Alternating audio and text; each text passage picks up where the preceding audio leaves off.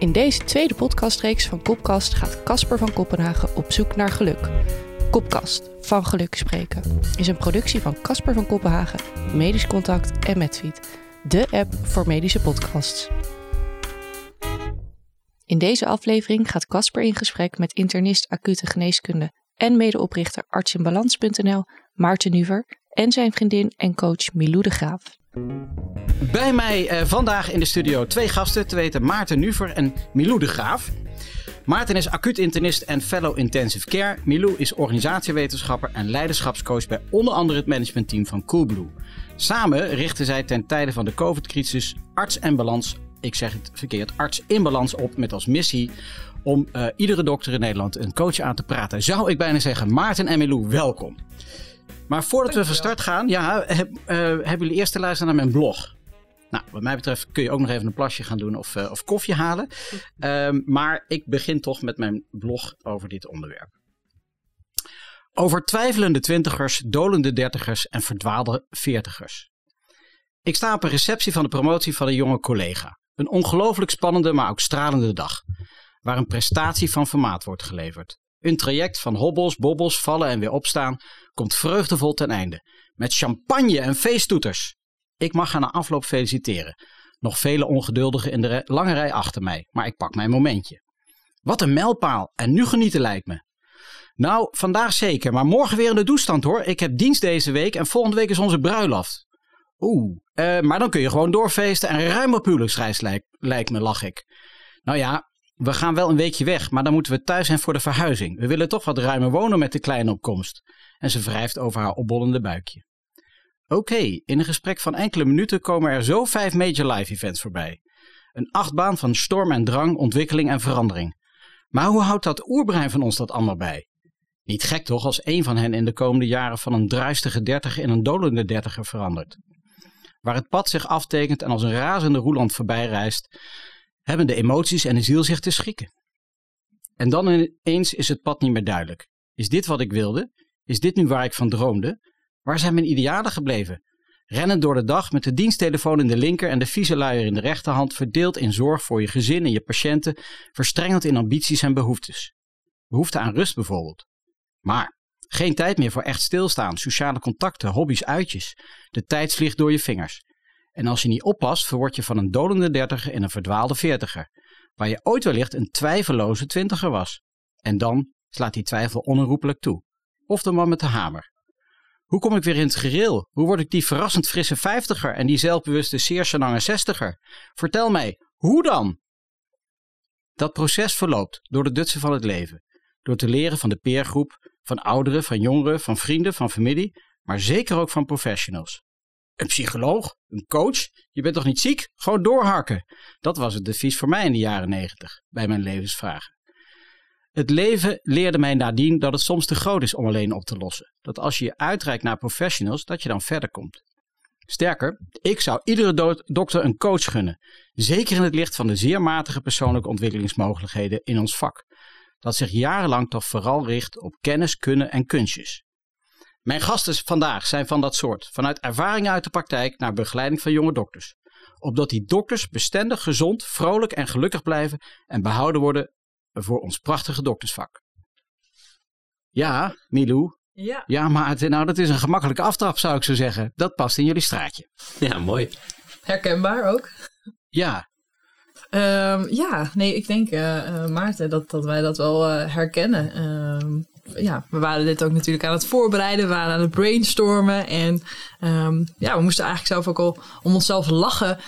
Um, ja, we proberen de jonge dokters te begeleiden naar meer balans. Uh, maar ook wij hebben natuurlijk heel veel live events. Uh, ja, Maarten, misschien kan je vertellen ja, ik herkende me, uh, ja, ons eigenlijk wel in, uh, in die blog die je net voorleest. Hè? En uh, verhuizing, babyopkomst. En die hebben we allebei, allebei afgetikt, al die twee grote, grote events. Ik was natuurlijk geïnformeerd, hè? Ik ja, daarom. Nee, heel goed, heel goed. Um, en ja, het, het, is denk ik een beetje ook van, van deze tijd. Hè? Als twintiger, wij zitten dan in de dertigersgroep, maar als twintiger heb je heel veel tijd, heel veel vrienden, heel veel zaken om te regelen. En, en, kun je een beetje kijken waar, waar heb ik affiniteit mee en wat vind ik leuk. En als dertiger wordt het toch wel uh, misschien wat serieuzer. Heb je uh, ambitie op werkniveau en op heel veel andere vlakken. En moet je eigenlijk al die live events of ballen in de lucht houden. Dat zien we ook eigenlijk heel veel bij nou ja, collega's om me heen en bij uh, artsen die Bilou coacht. Van hoe vind je daar nou die balans in en wat is nou je weg?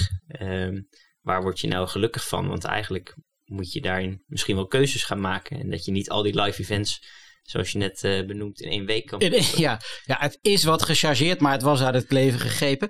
En uh, voordat we verder gaan, want wij spreken vandaag van geluk. En ik heb een, uh, een, een inbeller. Die gaan we dus nu even bellen. Hallo, met Sandra. Sandra, je spreekt met Casper van Kopenhagen. Hi. Ik val je, overval jou vandaag. Wat ben je aan het doen? Uh, nou, ik ben een cv aan het lezen van een artsassistent die misschien bij ons wil komen werken. Oh, kijk, dus altijd weer met de toekomst bezig. Nou, de toekomst zit bij mij hier aan tafel, want je zit hier live uh, in de studio van uh, de Domus Medica in uh, Utrecht bij mijn podcastserie Kopkast van Geluk spreken.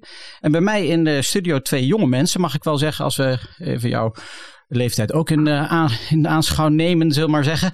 Uh, Maarten, intensivist en Melou zijn vrouw, uh, niet toevallig zijn vrouw, en die is coach.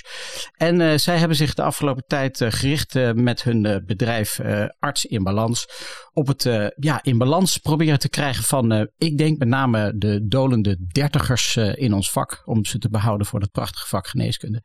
Nou, Um, ik kan me zomaar voorstellen dat jij, Sandra Kooi, psychiater uh, van beroep en hoogleraar aan de, de Amsterdam UMC, ik kan me zo voorstellen dat jij een vraag voor hen hebt. Ja, ja ik vind het, de term dolende dertigers wel uh, heel intrigerend. En uh, ik vertelde het vanmorgen aan een collega en die zei, oh, waar kan ik die podcast luisteren? Want er zijn blijkbaar meer dolende dertigers. En blijkbaar is het een dingetje van mensen in deze leeftijdsgroep. En nou ben ik uh, begin 60 inderdaad. En uh, psychiater sinds uh, mijn hele leven eigenlijk.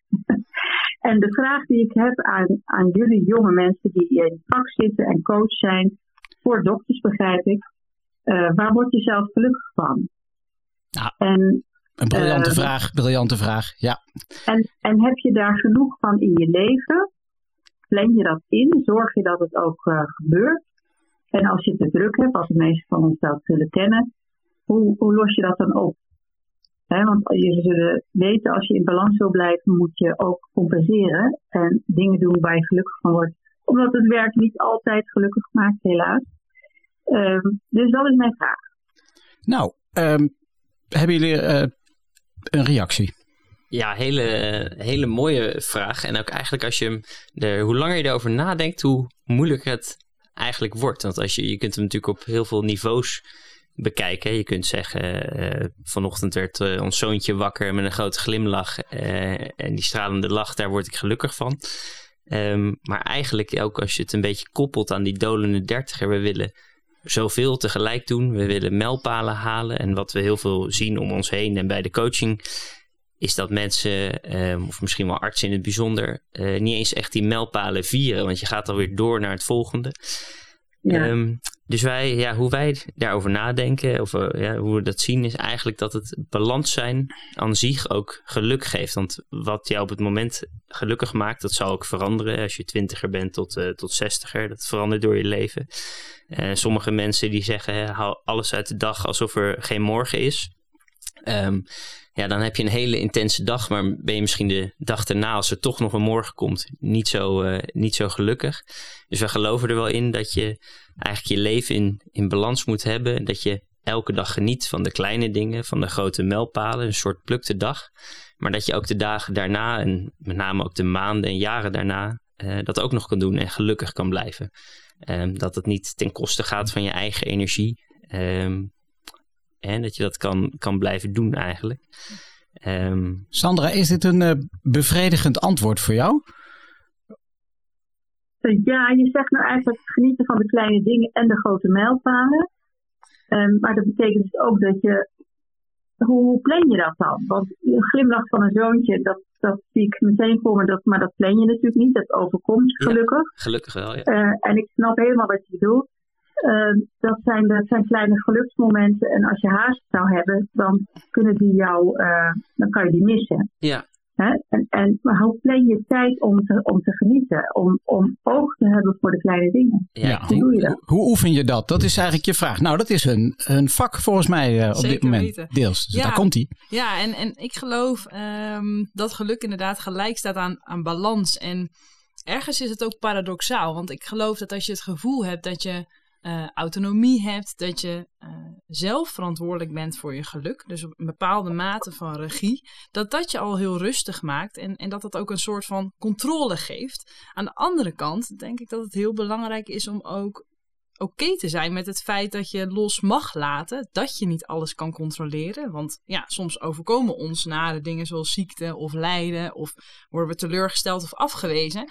Dus ik denk als je de balans vindt tussen het gevoel van controle hebben ehm, en, en niet mee worden gezogen in een soort red race. En aan de andere kant ook het vertrouwen hebben en loslaten eh, dat je niet alles kan controleren. Dat dat een soort van eh, ja, geluk geeft. En in aanvulling van Maarten, en dat is echt op een heel ander diep level natuurlijk dit antwoord. Dat gaat veel meer over zingeving. Ehm, maar ik denk wel dat daar de, de key zit. Ja. En, Ja. en om even terug te komen hè, op je, je praktische vraag, hoe doe je dat dan? Hè? Plan je dat in? Ja, ik denk dat het ook heel erg te maken heeft met eh, prioriteiten stellen. En daar begint het mee. En wat veel mensen eh, doen is eigenlijk dat ze misschien wel anderen hun agenda in laten vullen. En de, ja, de tijd vliegt aan ze voorbij. Zonder dat ze zelf kritisch kijken hè, van waar krijg ik energie van of waar krijg ik geluk van.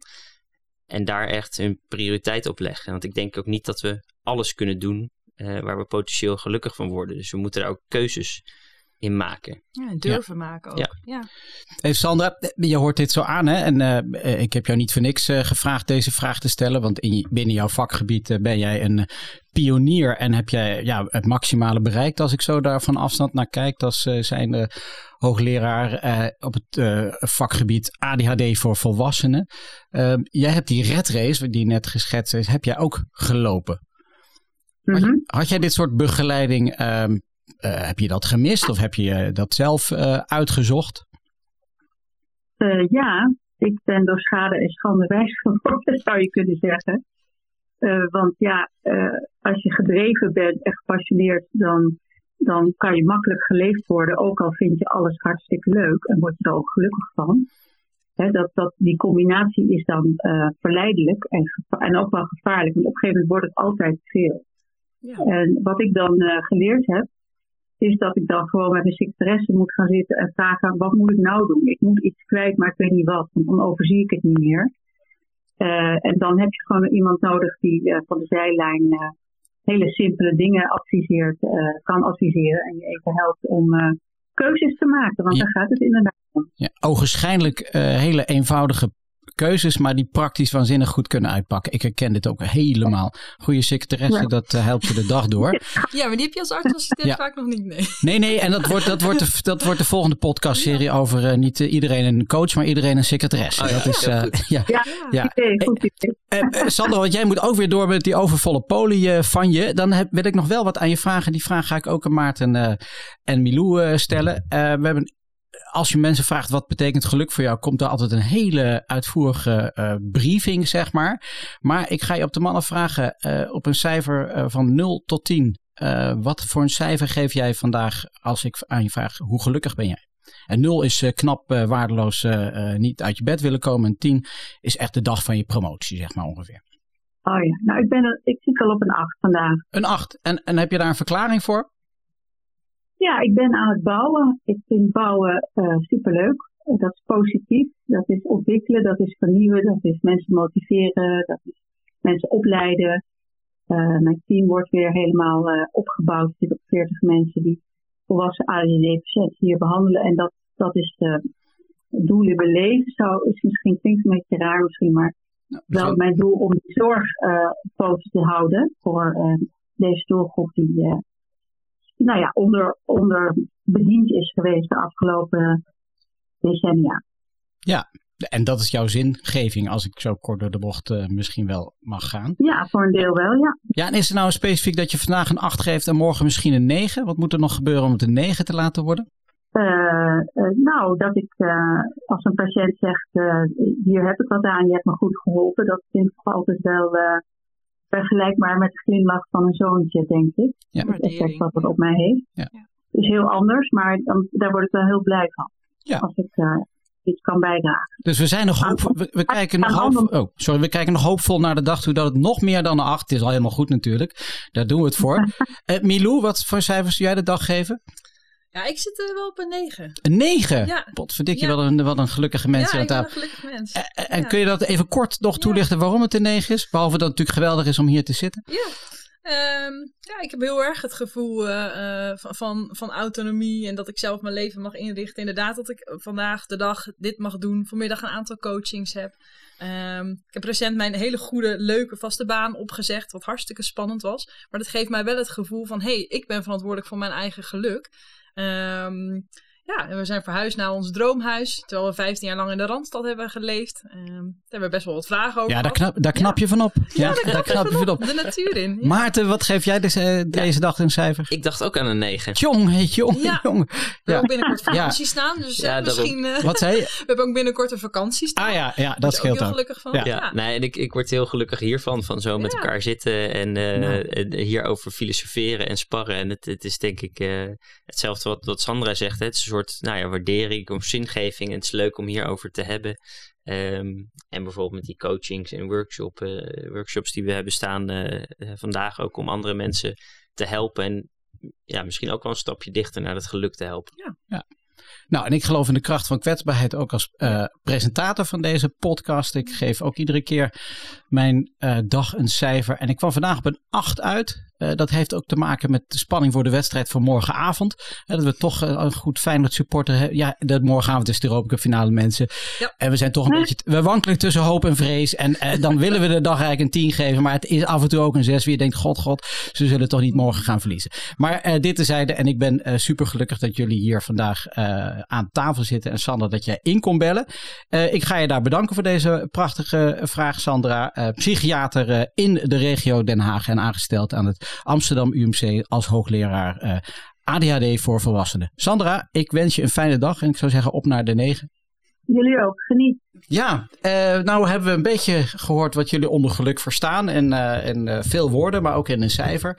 En ik wil toch even terug naar het belangrijke moment in jullie leven. Dat jullie besloten om die arm, arme dokters te gaan helpen. Ja. En ik kijk met name naar Milou, want ja. jij had natuurlijk al langer door dat je die jongen moest bijstaan. ja, nee, dat Gelukkig klopt. maar. Ja. Ja, dat, dat is eigenlijk heel klein begonnen. Um, op de terugweg uh, in de auto van uh, wintersport, nou inmiddels dus ruim twee jaar geleden, um, gingen de grenzen dicht vanwege COVID en alle onrust die daarbij kwam kijken.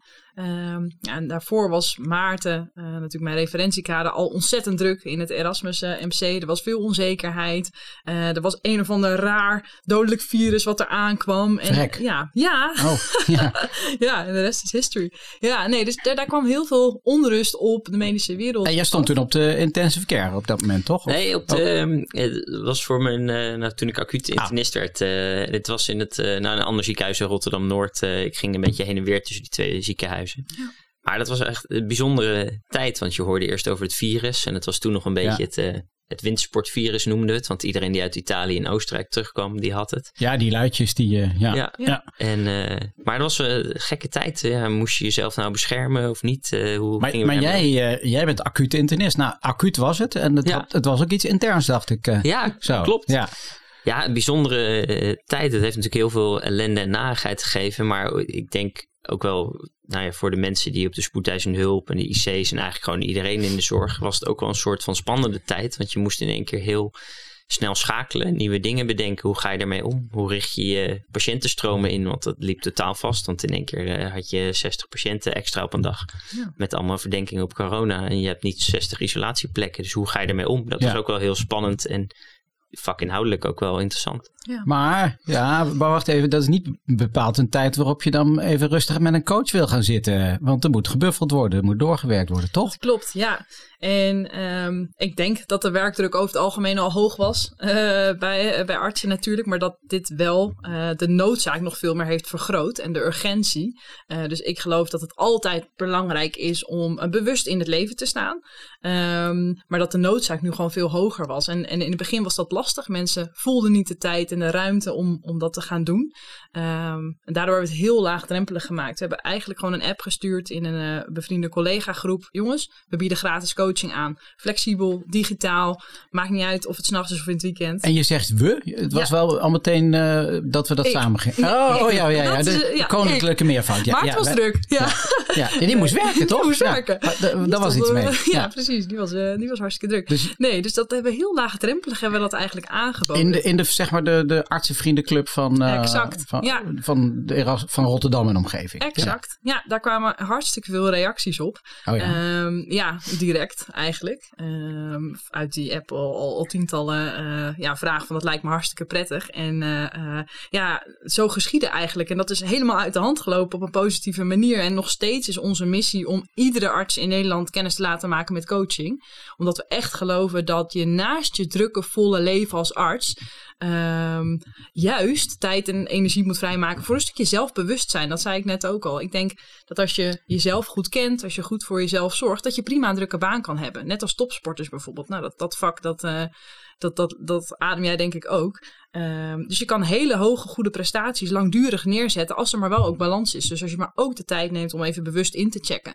En Sandra vroeg ons dat al. Ehm, ik denk dat het inderdaad belangrijk is om tijd in te plannen om even stil te staan. Ja, om vervolgens weer te kunnen versnellen. Ja, ja. Ja, want eh, waar het natuurlijk een beetje raakt. Hè? Ik ben van de generatie 50, dat had je door. Ja. Die fitte, fitte vrolijke 50 Ja. Die een aantal keren fors op zijn snuffert is gegaan in, eh, in, in, in, de, in het carrièrepad. ja. Ehm, maar we worden natuurlijk een beetje onrustig. Dat is ook de reden van deze podcastserie. Dat ik mensen ga bevragen van hoe moet dat nou straks? Van ja, we hebben een prachtige standaard eh, in Nederland opgebouwd aan, eh, aan, aan zorg. We, zijn, eh, al, ja, we horen al twintig jaar tot de top van de wereld. En nu gaat het allemaal anders worden. Nou, precies hetzelfde als mijn generatie die de dingen anders is gaan doen. Parttime werken was toen ik in opleiding was nog een vloek, zeg Ja. maar. Dat is voor mietjes. En dat is intussen al een verworvenheid. Dat hebben we eigenlijk wel goed gedaan. We hebben een heleboel niet goed gedaan als generatie. De, de, het klimaat en de, de natuur hebben we redelijk Mhm. verwaarloosd. Dat, dat, dat eh, vind ik ook. Maar waar we ons natuurlijk zorgen over maken als het anders moet. Maar hoe dan, zeg maar? Hoe moet dat anders? Ja, ja en, en dat is een hele mooie eh, vraag die je denk ik heel groots kan beantwoorden. Want het systeem of echt op, op macroniveau, zeg maar, hoe de zorg is ingericht, dat brengt denk ik uitdaging met zich mee. Maar je kan hem ook heel klein beantwoorden. Dus wat kan jij als individu doen om te zorgen dat je je staande weet te houden binnen dat grote systeem? Ja. En, en je kan hem dus aan, aan twee kanten aanvliegen. Wel, welke kant? eh, Nou ja, Ja. Ik, ik denk dat het, over, dat het het makkelijkste is om het over het individu te hebben. Ja. Want op dat hele grote geheel hebben wij natuurlijk weinig veranderen invloed. niet in een dag. Nee, nee, nee, nee. dat klopt. Nee. Maar die, die, die, die dokters, hè, die dus zeg maar de top, ik we hadden net Sandra Kooijen, top in haar vak, die hebben echt uren, uren, uren gemaakt. En ik denk dat ik voor mezelf uren, uren, uren gemaakt om daar te komen waar je bent. Ehm, heel veel dingen ook eh, jezelf te ontzien. Hè. Ik verhuisde met gemak naar Enschede en Zwolle. Of all places. eh, eh, hele leuke plekken om te, te werken, zeker. Maar ja, mijn vrienden in rondom Utrecht verklaarden van gek. Maar dat deed je gewoon, dat hoorde erbij. En je ging 60, 80 uur draaien. Ja. Chirurgie, eerste hulp, cardiologie. Om maar uren te maken om maar goed te worden. Ja, dus wat is er veranderd? Dat vroegen Ja. we elkaar in de auto hier onderweg naar Utrecht. Kijk, Was dit twintig jaar geleden ook zo? En, eh, of is dit een, een fenomeen, een verschijnsel van deze tijd? En ehm, wij geloven ook wel dat het iets is van, van de laatste jaren. Ehm, dus, dus mensen willen meer dan alleen maar werken. Ja. En wij spraken laatst een, een opleider eh, chirurgie in, eh, in het zuiden van het land. En die zei, vroeger was ik gewoon chirurg. Ik had geen tijd eigenlijk voor een gezin eh, Nee. of, of voor een huwelijk. Ja. ja, precies. Dit was wat we deden. Nu wil iedereen weeshuizen bouwen in India, zat hij te dollen. en, en zoeken we ja, een andere vorm van zelfontplooiing, Ja. zeg maar. Dus ja, ehm, het niet hele bevredigende antwoord is denk ik ook dat het een andere generatie is. Die dus eh, elke dag wil genieten en het maximale uit het leven wil halen. Eh, maar zich ook veel meer kan En uh, is aan het vergelijken met anderen. Nog veel meer dan dat jij je waarschijnlijk vergeleken in het ziekenhuis met andere mensen aan wie je op probeerde te trekken. Zien we natuurlijk nu ook alles van elkaar. Dat maakt je per definitie, denk ik, ongelukkig. Ja, dat is een hele deprimerende we zien, we zien het meer, dat bedoel je door de social media? Ja, of, ah, ja, oké, ja, ja. Ja. die hadden wij niet. Eh, Dat is denk ik een groot verschil. Ik stuurde een telegram naar mijn moeder eens in de drie maanden. Of die belde je af en toe. Nee, je bent jezelf continu aan het vergelijken. En ik denk sowieso binnen de medische wereld is dat al. Want je noemde het woord gareel volgens mij ook. En wij noemen het ook wel eens toch een stramien. En dat klinkt negatief. Dat hoeft niet. Maar we willen allemaal wel natuurlijk aan die verwachtingen voldoen. Oh ja, ik heb dat wel beleefd als je stapt. Je, ik wist wat ik wilde. Ik ben geneeskunde gaan studeren om sportarts te worden. En ik wist wat ik wilde. Ik wist wat ik daarvoor mo- moest doen en laten, dacht ik. Maar je weet natuurlijk begot niet waar je aan begint. En het is echt met de neus dicht en eh, ja, in, het diepe, in het diepe springen en blijven, blijven, Ja. eh, blijven spartelen om overeind te blijven. Ja, en wat we, Hoe ervaar jij dat? Nou, ook wel zo. Je, je- ik heb wel zoiets van, je, je ziet dat ehm, ehm, veel mensen duiken het op dezelfde manier met het bommetje dat zwembad in. En wat met name opvalt, is dat iedereen in hetzelfde straatje moet passen. Of hè, je hebt een heel duidelijk bijvoorbeeld opleiding. Hier, zo begin je. Ehm, doe maar net als wij, dan kom je er wel. En Ja. dat, we doen elkaar natuurlijk ook heel veel na en vergelijken Ja, ja. onszelf ook met heel veel anderen. Waarschijnlijk binnen drie, eh, drie weken als je ergens zit al hetzelfde te praten, Ja. dezelfde schoenen aan te doen Ja. en eh, dat soort En, dingen. en dat Ja. is wel leuk, dat heb ik misschien het voorrecht dat ik dan eh, nou ja, met Milou samen ben. Die, ik zie het ook een beetje vanuit de andere kant buiten de zorg. Bijvoorbeeld bij Coolblue is volgens mij een van de eerste gesprekken toen je er kwam. Is nou, dit is eh, onze cultuur, zo gaan we, zo doen we het. En dit is onze sfeer die we samen willen hebben als een soort grote vriendengroep. Of we zeggen wel eens een soort van Milou haar derde studententijd. Oh ja. Eh, maar, ja, daarover later. ja, ja, Dat, dat komt nog wel een keer. Maar met name ook van, waar, hoe zie jij jezelf over zoveel jaar? Wat, wat heb je van ons nodig om je zo te ontplooien? En daar, daar sturen ze juist heel erg aan op de diversiteit, maar wel binnen het grotere geheel. En ik heb vaak wel het idee binnen de zorgorganisaties dat, dat we eigenlijk zeggen, jullie moeten allemaal na zes jaar of vier jaar op dat punt zijn en misschien wel een beetje hetzelfde zijn. Ehm, en we zijn continu in, in een race met elkaar. Hè? Van Ja. je moet beter zijn en je hebt deze mijlpaal gehaald. Ehm, promotie noemde je net al een groot moment. Maar hoeveel mensen genieten er nou echt lang van? Als je ziet hoeveel jaar je daarin stopt en hoe kort je daar maar van geniet. En eigenlijk ga je weer door naar de volgende stap. Want je Ja. moet er komen, want je bent eh, in opleiding Dan gekomen, begint het pas. gepromoveerd. Ja. En je Ja. moet dan weer die jonge klare plek hebben. En ja, we richten ons en op de artsassistenten, maar ook eh, spreken we veel jonge klaren, ook voorbereiding op hun sollicitaties. En heel veel stappen soort van uit die hoge snelheidstrein van het ANIOS-schap en dan een AIOS-schap. En die zeggen eigenlijk, oeh, waar ben ik eigenlijk uitgestapt? Wilde ik hier wel zijn? Wilde ik hier naartoe? Ehm, en we zien nu ook wel mensen die zijn dan al eh, specialist na zoveel jaar opleiding. Ja, en die gaan totaal iets anders doen buiten de zorg of Ja. eh, een ander vakgebied doen. En dat hoeft niet. Maar Nee, en het is, dat is natuurlijk bloedzonde als je daarover nadenkt. Alle tijd en Ja. aandacht en geld. En ook maatschappelijk gezien is dat je wordt ergens opgeleid. Aan de andere Ja. kant, eh, jullie en de generatie onder jullie al helemaal. Die moeten nog wel een, een tijdje doorwerken tot hun 75. Misschien straks wel tot hun 80ste. Maar nog even het advocaat van de duivel. Hè? Want, Dan zegt mijn generatie, die had, eh, de, ja, dan heb je weer die millennials. Die komen Ja. binnen met hun portfolio. En is er een collega ziek en zegt, wil je vandaag even de poli overdoen? Nee de poli overdoen. Nee, dat past niet in mijn portfolio. Ik had vandaag namelijk in mijn portfolio stond dat ik wat artikeltjes moest lezen. Ja. Nou, ik chargeer het, maar dat gevoel heerst er een beetje. ja. Ehm, Zo, dat is eh, herkennen. Hebben jullie dat ook ervaren? Nee, we zijn net dat ik jou heb. Ja, nee. Nou ja, het, het hangt denk ik ook deels van, ehm, van de tijdsgeest af, maar ook de opvoeding, maar ook ehm, wat wil je zelf? Ben je ambitieus en wat heb je daarvoor te laten? En wij maken vaak de vergelijking met arts zijn is als topsport. Eh, ja, dat is echt niet altijd leuk hoor. Uren op zo'n home trainen of in een zwembad liggen of iets dergelijks. Dus ehm, ja, ik denk dat het een combinatie is van wat zijn je ambities en wil je daar vol voor gaan?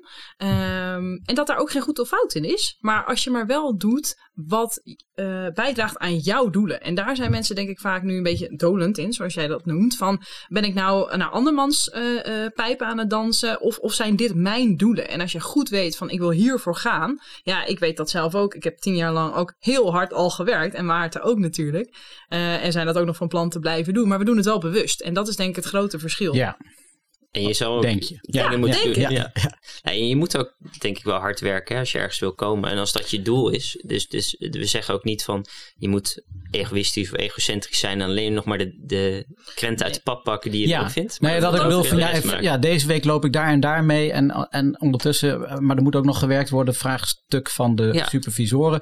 Dat werd niet aan beantwoord. Ik chargeer nogmaals, maar dat is wel fijn voor het gesprek. Ja. Ja. Maar jullie zeggen dus wel in essentie, want dat stelt me dan wel toch een beetje gerust. Want ik denk toch dat je veel meters moet maken om ergens te komen. Zeker. Ook. Eh, balans ook weer dus. Hè? Maar, ook balans. Ja, maar de balans. Ja. Maar, de, en, maar er moet, het is ook niet erg om gewoon hard te werken. Zeker niet. Nee, wij geloven daar wel in. Dat, eh, dat, je, dat, dat het soms ook ehm, heel lekker kan zijn, toch? Hoe groot is de euforie als je keihard hebt gewerkt, de benen onder je lijf vandaan hebt gerend en vervolgens dan iets behaalt? Ja, Ja, ik vind dat alleen maar heel mooi. En eh, Ja. ja, ik, ik, ik denk dat het wel belangrijk is om aan de verwachtingen te doen en daar dus ook soms een portfolio of iets eh poli voor over te nemen. Ja, ik geloof daar ja, wel de in. portfolio die leggen ze neer en de folie moeten de ze nemen ze over. Ja. Exact, ja, nee, Ja. dat, dat, ja. dat hoort er ook bij als je op, op dat hoge topsportniveau, ehm, of in ieder geval als je je doel wil bereiken en daar wil komen. Ik denk wel dat het, en dan grijp ik weer even terug op de, de, de social media generatie misschien. Ehm, ik denk dat we best veel mensen al wel gelukkig zijn. Alleen op het moment dat ze zich dan met anderen gaan vergelijken en misschien dan toch dat andere doel ook willen halen, dat hun eigen geluk daar minder van wordt. Dus je, eigenlijk is de boodschap hard werken, dat hoort erbij als je een mooi ambitieus topsportdoel wil halen, Ja. of een hoog doel. Ehm, maar ga vooral bij jezelf na van wat maakt mij gelukkig, welke doelen wil ik halen. En neem niet zomaar de doelen van anderen over of vergelijk je daar niet te veel mee. En wat is jullie ervaring? Weet je als dertiger, zeg maar, want dat is de doelgroep waar je een beetje mee bezig Ja. houdt volgens mij, hè? die. Dolan 30. Weet je dan wat je gelukkig maakt? Heel veel mensen niet. Nee, nee, dat denk ik niet. Ik, Ben je eh, ervan geschrokken? Ja. Ja, en ik ben zelf Ja, natuurlijk. je geen zei heel veel mensen, maar je, je Ja, bedoelt eigenlijk heel veel dokters weten ja, dat niet. Klopt. Ja. Nee, ik, eh, eh, ja, daar hebben Maarten en ik regelmatig ook eh, eh, gesprekken over. Ik denk dat heel weinig jonge artsen dat weten. Ja. Waardoor ze dus misschien ook wel ehm, ja, bijna doorslaan. Daar zit een negatieve associatie. Dat bedoel ik niet. Maar dus, dus zo ehm, ja, die grenzen aan het bewaken zijn. Dus inderdaad eh, zo vaak het gevoel hebben van... joh, ik moet nee zeggen, anders ga ik over mijn ge- eigen grenzen heen. Omdat ze eigenlijk dus inderdaad een beetje aan het dolen zijn.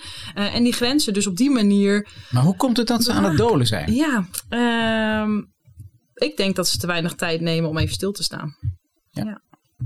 Ja, dat denk ik ook. Ik, ik kijk ook Maarten even aan of hij de. de maar de, ik heb stellig de indruk dat we eh, een heleboel doen binnen die geneeskundeopleiding. Met name kunstjes, eh, kennis en kunde eh, aanleren. Maar die persoonlijke ontwikkeling die uiteindelijk het verschil maakt in de spreekkamer. Wie je bent en hoe je de dingen doet. Daar werd in, in mijn tijd nul eh, aan, echt nul aandacht aan besteed. Ik heb de hoop dat dat wel wat beter wordt. Maar, correct me if I'm wrong, dat kan nog wel een eh, vleugje, snufje meer. Ja, we gaven, ik, ik denk meteen terug nu je dit zo zegt eh, aan een workshop die we denk ik vier maanden geleden of zo gaven. ehm, voor 80 artsassistenten. En toen, nou ja, eigenlijk ook een beetje in het verlengde van wat maakt jou gelukkig? Wat zijn jouw doelen? Toen hebben we gevraagd, schrijf eens wat professionele doelen, werkgebied op en persoonlijke doelen. En die gingen we toen plenair eh, bespreken. Dus eh, we geven de eerste, eerste jonge arts, eh, nou, die, die steekt de hand op, die wilde het wel delen met die groep. Die zei, ja, eigenlijk ja, he- heel verdrietig en sneu, maar ik heb geen persoonlijke doelen. Niet. En toen, eh nou, daar, daar schrokken we wel even van, want we dachten we gaan net beginnen met de workshop. hè. En toen Ja, dachten waar, we, waar, is, oeh, daar- daar- waar is de psychiater hier? Ja, die heeft net Sandra. opgehangen. Ja. En, eh, maar goed, en toen dachten we, nou, het, het vroegen we, hebben meer mensen dat? En toen ging gewoon bij een derde van de zaal gingen de handen omhoog. Die hadden alleen maar professionele doelen en wisten wel precies waar ze wilden zijn over drie, vijf en tien jaar op professioneel gebied. ja, Maar ze dat hadden, hadden ze uitgestippeld. ja, Denk je dat die specifiek is voor dokters? Ik denk wel meer bij dokters. Ja, dat dat lastiger is. Want jij komt uit een hele andere sector. De. Cool Blue eh, sector, de derde ja, studententijd. Het bedrijfsleven, ja, precies. Ja, ik, ik denk het wel. Ik denk omdat er ehm, een bepaald pad is wat je eh, ja, geacht wordt te bewandelen. En je kan inderdaad wel je eigen specialisme kiezen of iets dergelijks. Mhm. Ja, ja. Ehm, maar daar, daar, daar stopt het eigenlijk Dat ook is, al, bij. dat, is waar ze heel veel tijd en zoektocht en energie aan kwijt. zijn. Ik zie dat En ook. ook bang zijn voor spijt. Of, of wat als ik de verkeerde keuze maak. Daar help ik natuurlijk ook veel bij. Maar ik, ik denk het wel. Ik denk dat het toch wel een bepaald eh, ja, gareel is. Waarin je. ehm, ja, en de verwachtingen waarin je wil voldoen. Dus je wil je ook profileren op die manier. Ehm, en, en ja, in die zin is er denk ik weinig tijd en ruimte om gewoon eens even uh, na te denken bij jezelf van, hé, hey, uh, hoe zie ik dat? En ik denk ook dat je heel veel tijd en energie gewoon ook nodig hebt als je een werkwees van 70 uur draait. Laten we realistisch ja, zijn. dan is er weinig meer over. Er weinig. Ja, want je moest ook Ja. nog op social media meedoen, een Netflix-serie gekeken Ja, hebben. en, een eh, borreltje doen of en- sporten. en sporten en fit blijven. Want jullie refereren heel vaak aan het topsportbestaan. Ja. Jullie eh, hebben zelf intensief aan sport gedaan. Op Ja. jullie website eh, staat die eh, golvende surfer. Zeg ik dat goed? Surfende golfer. Maar er komt een enorme golf achter hem aan. Ja. En ik had er zo'n beeld bij Potverdikkie. Die wordt verzwolgen zo meteen. Ja. en, maar dat is natuurlijk waar jullie over gaan. Hij moet, die moet je voorbereiden. Want die golf komt. En, Exact. en die moet je En voorbereiden. die golven zullen er zijn. Ja. Ja. en dat is voor iedereen heel persoonlijk wat dan een golf is.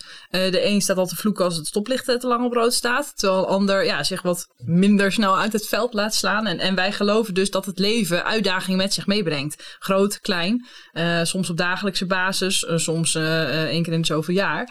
Maar dat, je, dat de kunst is, is om te leren surfen, zoals wij dat zeggen. Dus dat als je je eigen veerkracht of, of je mentale weerbaarheid, maar net hoe je het noemt, traint. En ik, wij geloven dat dat te trainen is. Dat je een bepaalde mindset kan aanleren eigenlijk, een winnaarsmentaliteit. Dat je daar makkelijker mee omgaat, ja. Ja, ja, dus als die, want daar ben ik dan, als ik zo kwetsbaar mag opstellen, echt bang voor dat, dat dan die haai komt, hè? Ja, ja. Want die, eh, Die ja, zullen komen. Ja. ja? En daar begon ik de podcast natuurlijk ook mee. Dus Ja. als, als je ehm het En met de haai die heb ik niet gehoord. Nee, de haai heb je niet gehoord. ja, maar, daar wel- lig ik zwetend wakker van.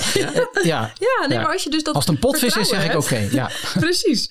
Ehm, en dat dus durft los te laten. Van ja, er zullen gebeurtenissen zijn ehm, ja, die mij gaan testen, zeg maar. Ja.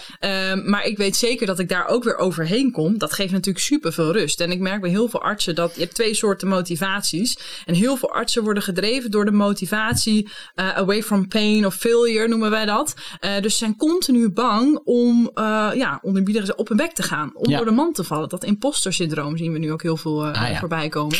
Terwijl liever, en nogmaals, er is geen goed of fout, maar ehm, probeer ook je te motiveren towards pleasure, succes. Dus hey, ik ga dit gewoon rocken, deze sollicitatie. Komt wel goed. Krijg ik de baan niet, komt er een nieuwe kans voor mij. Dat is een hele andere mindset dan alleen maar bezig zijn met welke andere 70 kandidaten hè, gaan ook Ja. voor mijn plekje. Ja. Eh, dus train die motivatie en die mindset. Ja, Ja. ja. dat, dat falen is natuurlijk iets wat, eh, wat niet zo in ons eh, genre ligt, zeg maar. Nee. Ik kan me nog herinneren, ik, ik heb twee specialisaties gedaan. En bij de tweede keer ben je natuurlijk een stukje ouder dan, dan, de, dan de rest. En we hadden een groep met meerdere ouderen. En toen hadden we zo'n, deden we een intervisie. Hoe hip en happening was dat al in de begin van deze eeuw? Volgens mij waren we echt de eerste, maar ja, die revalidatiegeneeskunde is ook hip en happening mensen. Heel mooi. Waar wou ik naartoe? Eh, en ik weet dat toen ik, eh, dat ik toen op een gegeven moment zei van ja, maar eigenlijk jongens, eh, ben ik gewoon bang dat iedere keer als ik op het fietsje bij de binnenkomst eh, bij, van dit revalidatiecentrum sta, dat de directeur daar staat en die zegt nou, ik heb jou eens een tijdje geobserveerd, maar je kan er eigenlijk geen reet van hè. Dat iedere dag denk je nou, daar leef je niet mee, maar de- dat, je, dat je het niet gaat redden. Dat uiteindelijk uitkomt dat je er inderdaad geen verstand van hebt. En al die kopjes gingen, oh ja, heb jij dat ook? Ja, ik zei, af en toe, zei ik, af en toe. Ja, ja en, en dat zit denk ik ook deels in het DNA, eh, over één kam geschoren. Maar eh, over het algemeen zijn artsen natuurlijk eh, intelligente mensen en prestatiegericht. Ja, dat is een statement. Ja, ja die zijn slim. Ja, die zijn ja, ze zijn wel slim. Ja, dat zeg ik altijd. Ja, Ja. Ja, slim. Ja, misschien wel een tikkie perfectionistisch ook wel. Zeker Nou, ja. weten. Ja, ja, ja. Ja. Nou, en daar zit. Voor je het weet zitten we natuurlijk bij de eh, toelating. Hè, dat we de laatste dag is ook heel veel discussie over gaande. Dat we de laatste tijd een soort eenheidsworst creëren met mensen die allemaal eh, ja, eigenlijk overachievers zijn. Zeker. Insecure overachievers. Ja, zelfs. insecure Ja. over. En, en, en, en de shit gaat de fan eh, hoe- hoe dan ook hitten. Dat is niet echt een uitdrukking, maar dat jullie begrijpen wat ik bedoel. Eh, en dan is die weerstand er niet. Die weerbaarheid, die veerkracht. Nee. En die eh, kun je dus of door het leven zelf eh, laten ervaren of aanleren. Zeker weten, ja. Wij geloven dat je niet per se een ongeluk nodig hebt om veerkracht te ontwikkelen. Ja. Ja. Dus win je liever een loterij of krijg je liever een ongeluk? Dat is ook wel eens een vraag. eh, ja. Ja, van beide moet je bijkomen. Dat Ja. eh, weet ik. Ja, Ja. ja. nou in de, in, de, in de eerste podcast heb ik gesproken met Maaike Bartels. En daar komt dit onderzoek ook naar voren. Een onderzoek uit de jaren 70. Waarbij ze dan een vergelijking maken met mensen die de postcode loterij hebben gewonnen. En mensen die een dwarslezing krijgen, mijn eh, vakgebied. Alleen uh, daar is heel lang gedacht dat dat allemaal weer terugveerde naar het normaal. En dat blijkt dus in de praktijk niet zo te zijn dat als je een ernstige handicap hebt, dat je echt wel een stuk geluk inlevert voor de dag. Nou, dit even nog ter lering en vermaak. Ja. Uh, daar ben ik op gepromoveerd overigens. Ja, dat je niet denkt dat het zomaar uit de duim gezogen is. Um, maar jullie refereerden vaak aan die topsport. Hè? en dan heb ik altijd die topsporter die moet goed voor zichzelf zorgen. Dat betekent dat hij goed moet slapen, dat hij goed moet eten, dat hij voldoende rust moet pakken. Maar ook dat hij, ja, een beweging hoeft hij niet te blijven, want dat is, uh, dat is zijn, zijn hebben en houden. Zijn dat ook de pijlers waar een, een dokter zich wat meer bewust van moet zijn? Hebben jullie nog extra pijlers?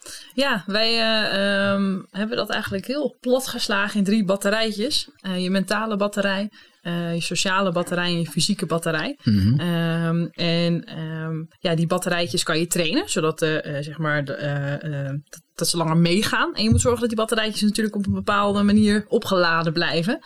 Uh, dus ja, ik geloof zeker dat slapen, eten, uh, et cetera, dat dat belangrijk is. Maar dat er dus nog een aantal andere pijlers zijn die je goed in de gaten moet houden. En dat die dus ook onderling heel erg met elkaar verbonden zijn. Ja, ja. en eigenlijk zijn dit de basisdingen die je noemt. Hè? En ik ja. denk dat het in de basis al heel vaak fout gaat met artsen. En dat ze, omdat ze zo graag uh, voor anderen willen zorgen ehm, toch Sla slecht slapen doen we na het pensioen wel. Ja, daarom. En toch slecht voor zichzelf zorgen. En dat, dat is misschien hele kleine dingen als even de tijd nemen om rustig te lunchen um, op het werk. Um, of omdat ze eigenlijk helemaal geen tijd hebben om zelf na te staan waar ze gelukkig van worden. Dat hoort denk ik ook daarbij.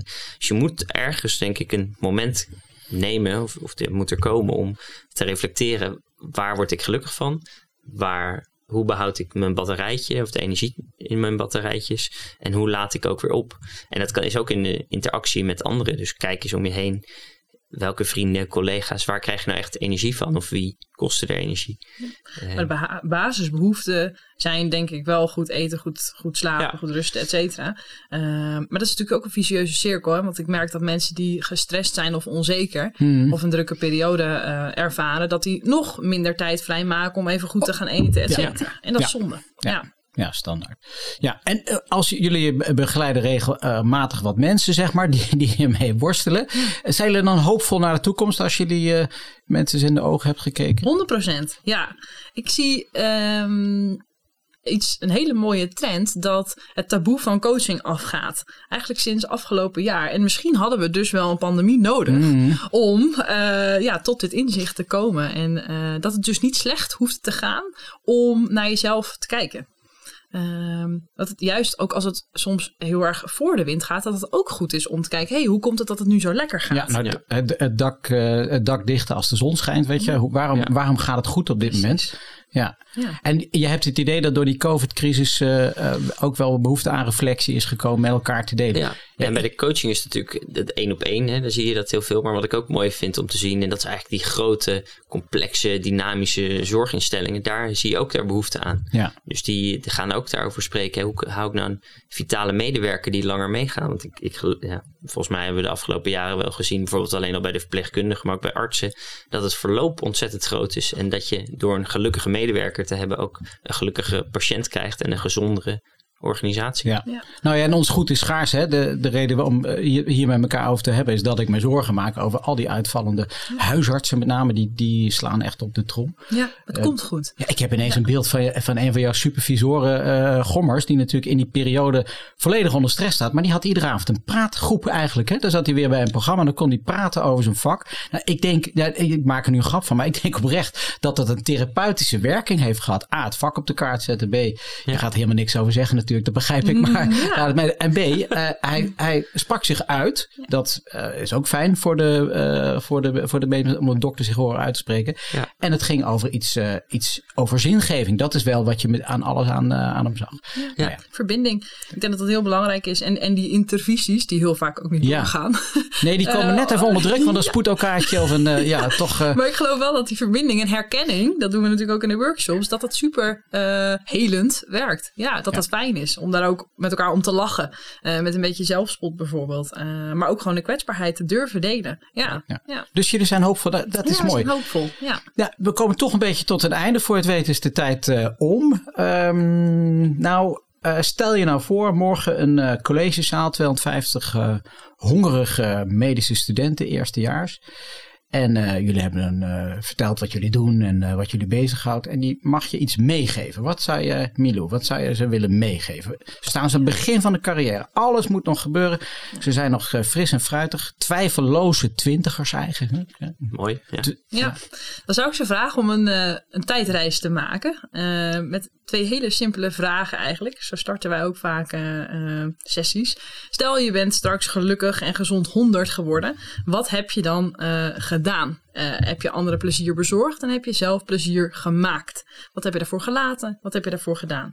Uh, ja, dus juist om even uit te zoomen en het vervolgens weer heel klein te maken. Dus stel je bent straks gezond 100 geworden. Wat ga je dan morgen de dag anders doen of wat blijf je doen? Die lijstjes worden 100 hè? Die, Ze worden 100. Ja, ja. ja. Nou, ik vind het prachtig. Ja, ik vind het prachtig. En uh, dat nemen ze dan mee, dat schrijven ze op in een, Zeker weten. in een aantekeningenblokje. Ik ga ze nadenken. Ja, oké. Ja. Maarten, had jij uh, daar nog iets aan toe te voegen of je eigen invalshoek? Nou ja, probeer eigenlijk bijvoorbeeld eens elke week heel klein is heel even te vertragen. Dus in die ja, hogesnelheidstrein waar je in zit of waar je in gaat stappen als uh, twijfelende twintiger, probeer heel eventjes als, die, als de trein stilstaat op het perron stil te staan om je heen te kijken. Waar ben ik? Ga ik nog de goede kant op? Uh, waarom doe ik dit elke weer? Waar word ik gelukkig van? Kan ik het combineren met andere dingen die mij geluk geven? Of moet ik toch overstappen of uh, even op het perron wachten en de volgende oogsnelheidstrein nemen? Hoe gaat het eigenlijk met me? Ja. ja. Hele simpele vraag. Ja. Nou, wij vinden het super belangrijk om laagdrempelig begeleiding ook te bieden aan jonge dokters. En onze missie dit jaar is om elke arts in Nederland kennis te laten maken met coaching. Uh, en daarom bieden we iedere arts één gratis coachsessie aan. En uh, ja, dat kunnen ze heel makkelijk inplannen via onze website. Via jullie website? En, Artsinbalans.nl Zo. En die 60.000 dokters in Nederland, die gaan morgen jou uh, mailen. Ja, dan heb ik zelf ook een coach nodig. Ja, ik wou zeggen, ja. En dan moet je nee. zelf in balans blijven. Nee, maak daar gebruik van. En uh, ja, pak je kans. Maar een prachtig aanbod, ja. Dus uh, ja, iedere dokter een coach. Nou, bij deze ook nog gratis. Zeker. ja. Nou, ik vind, het, uh, ik vind het prachtig wat jullie uh, uitdragen. En ik zou zeggen, blijf dat uh, vooral doen.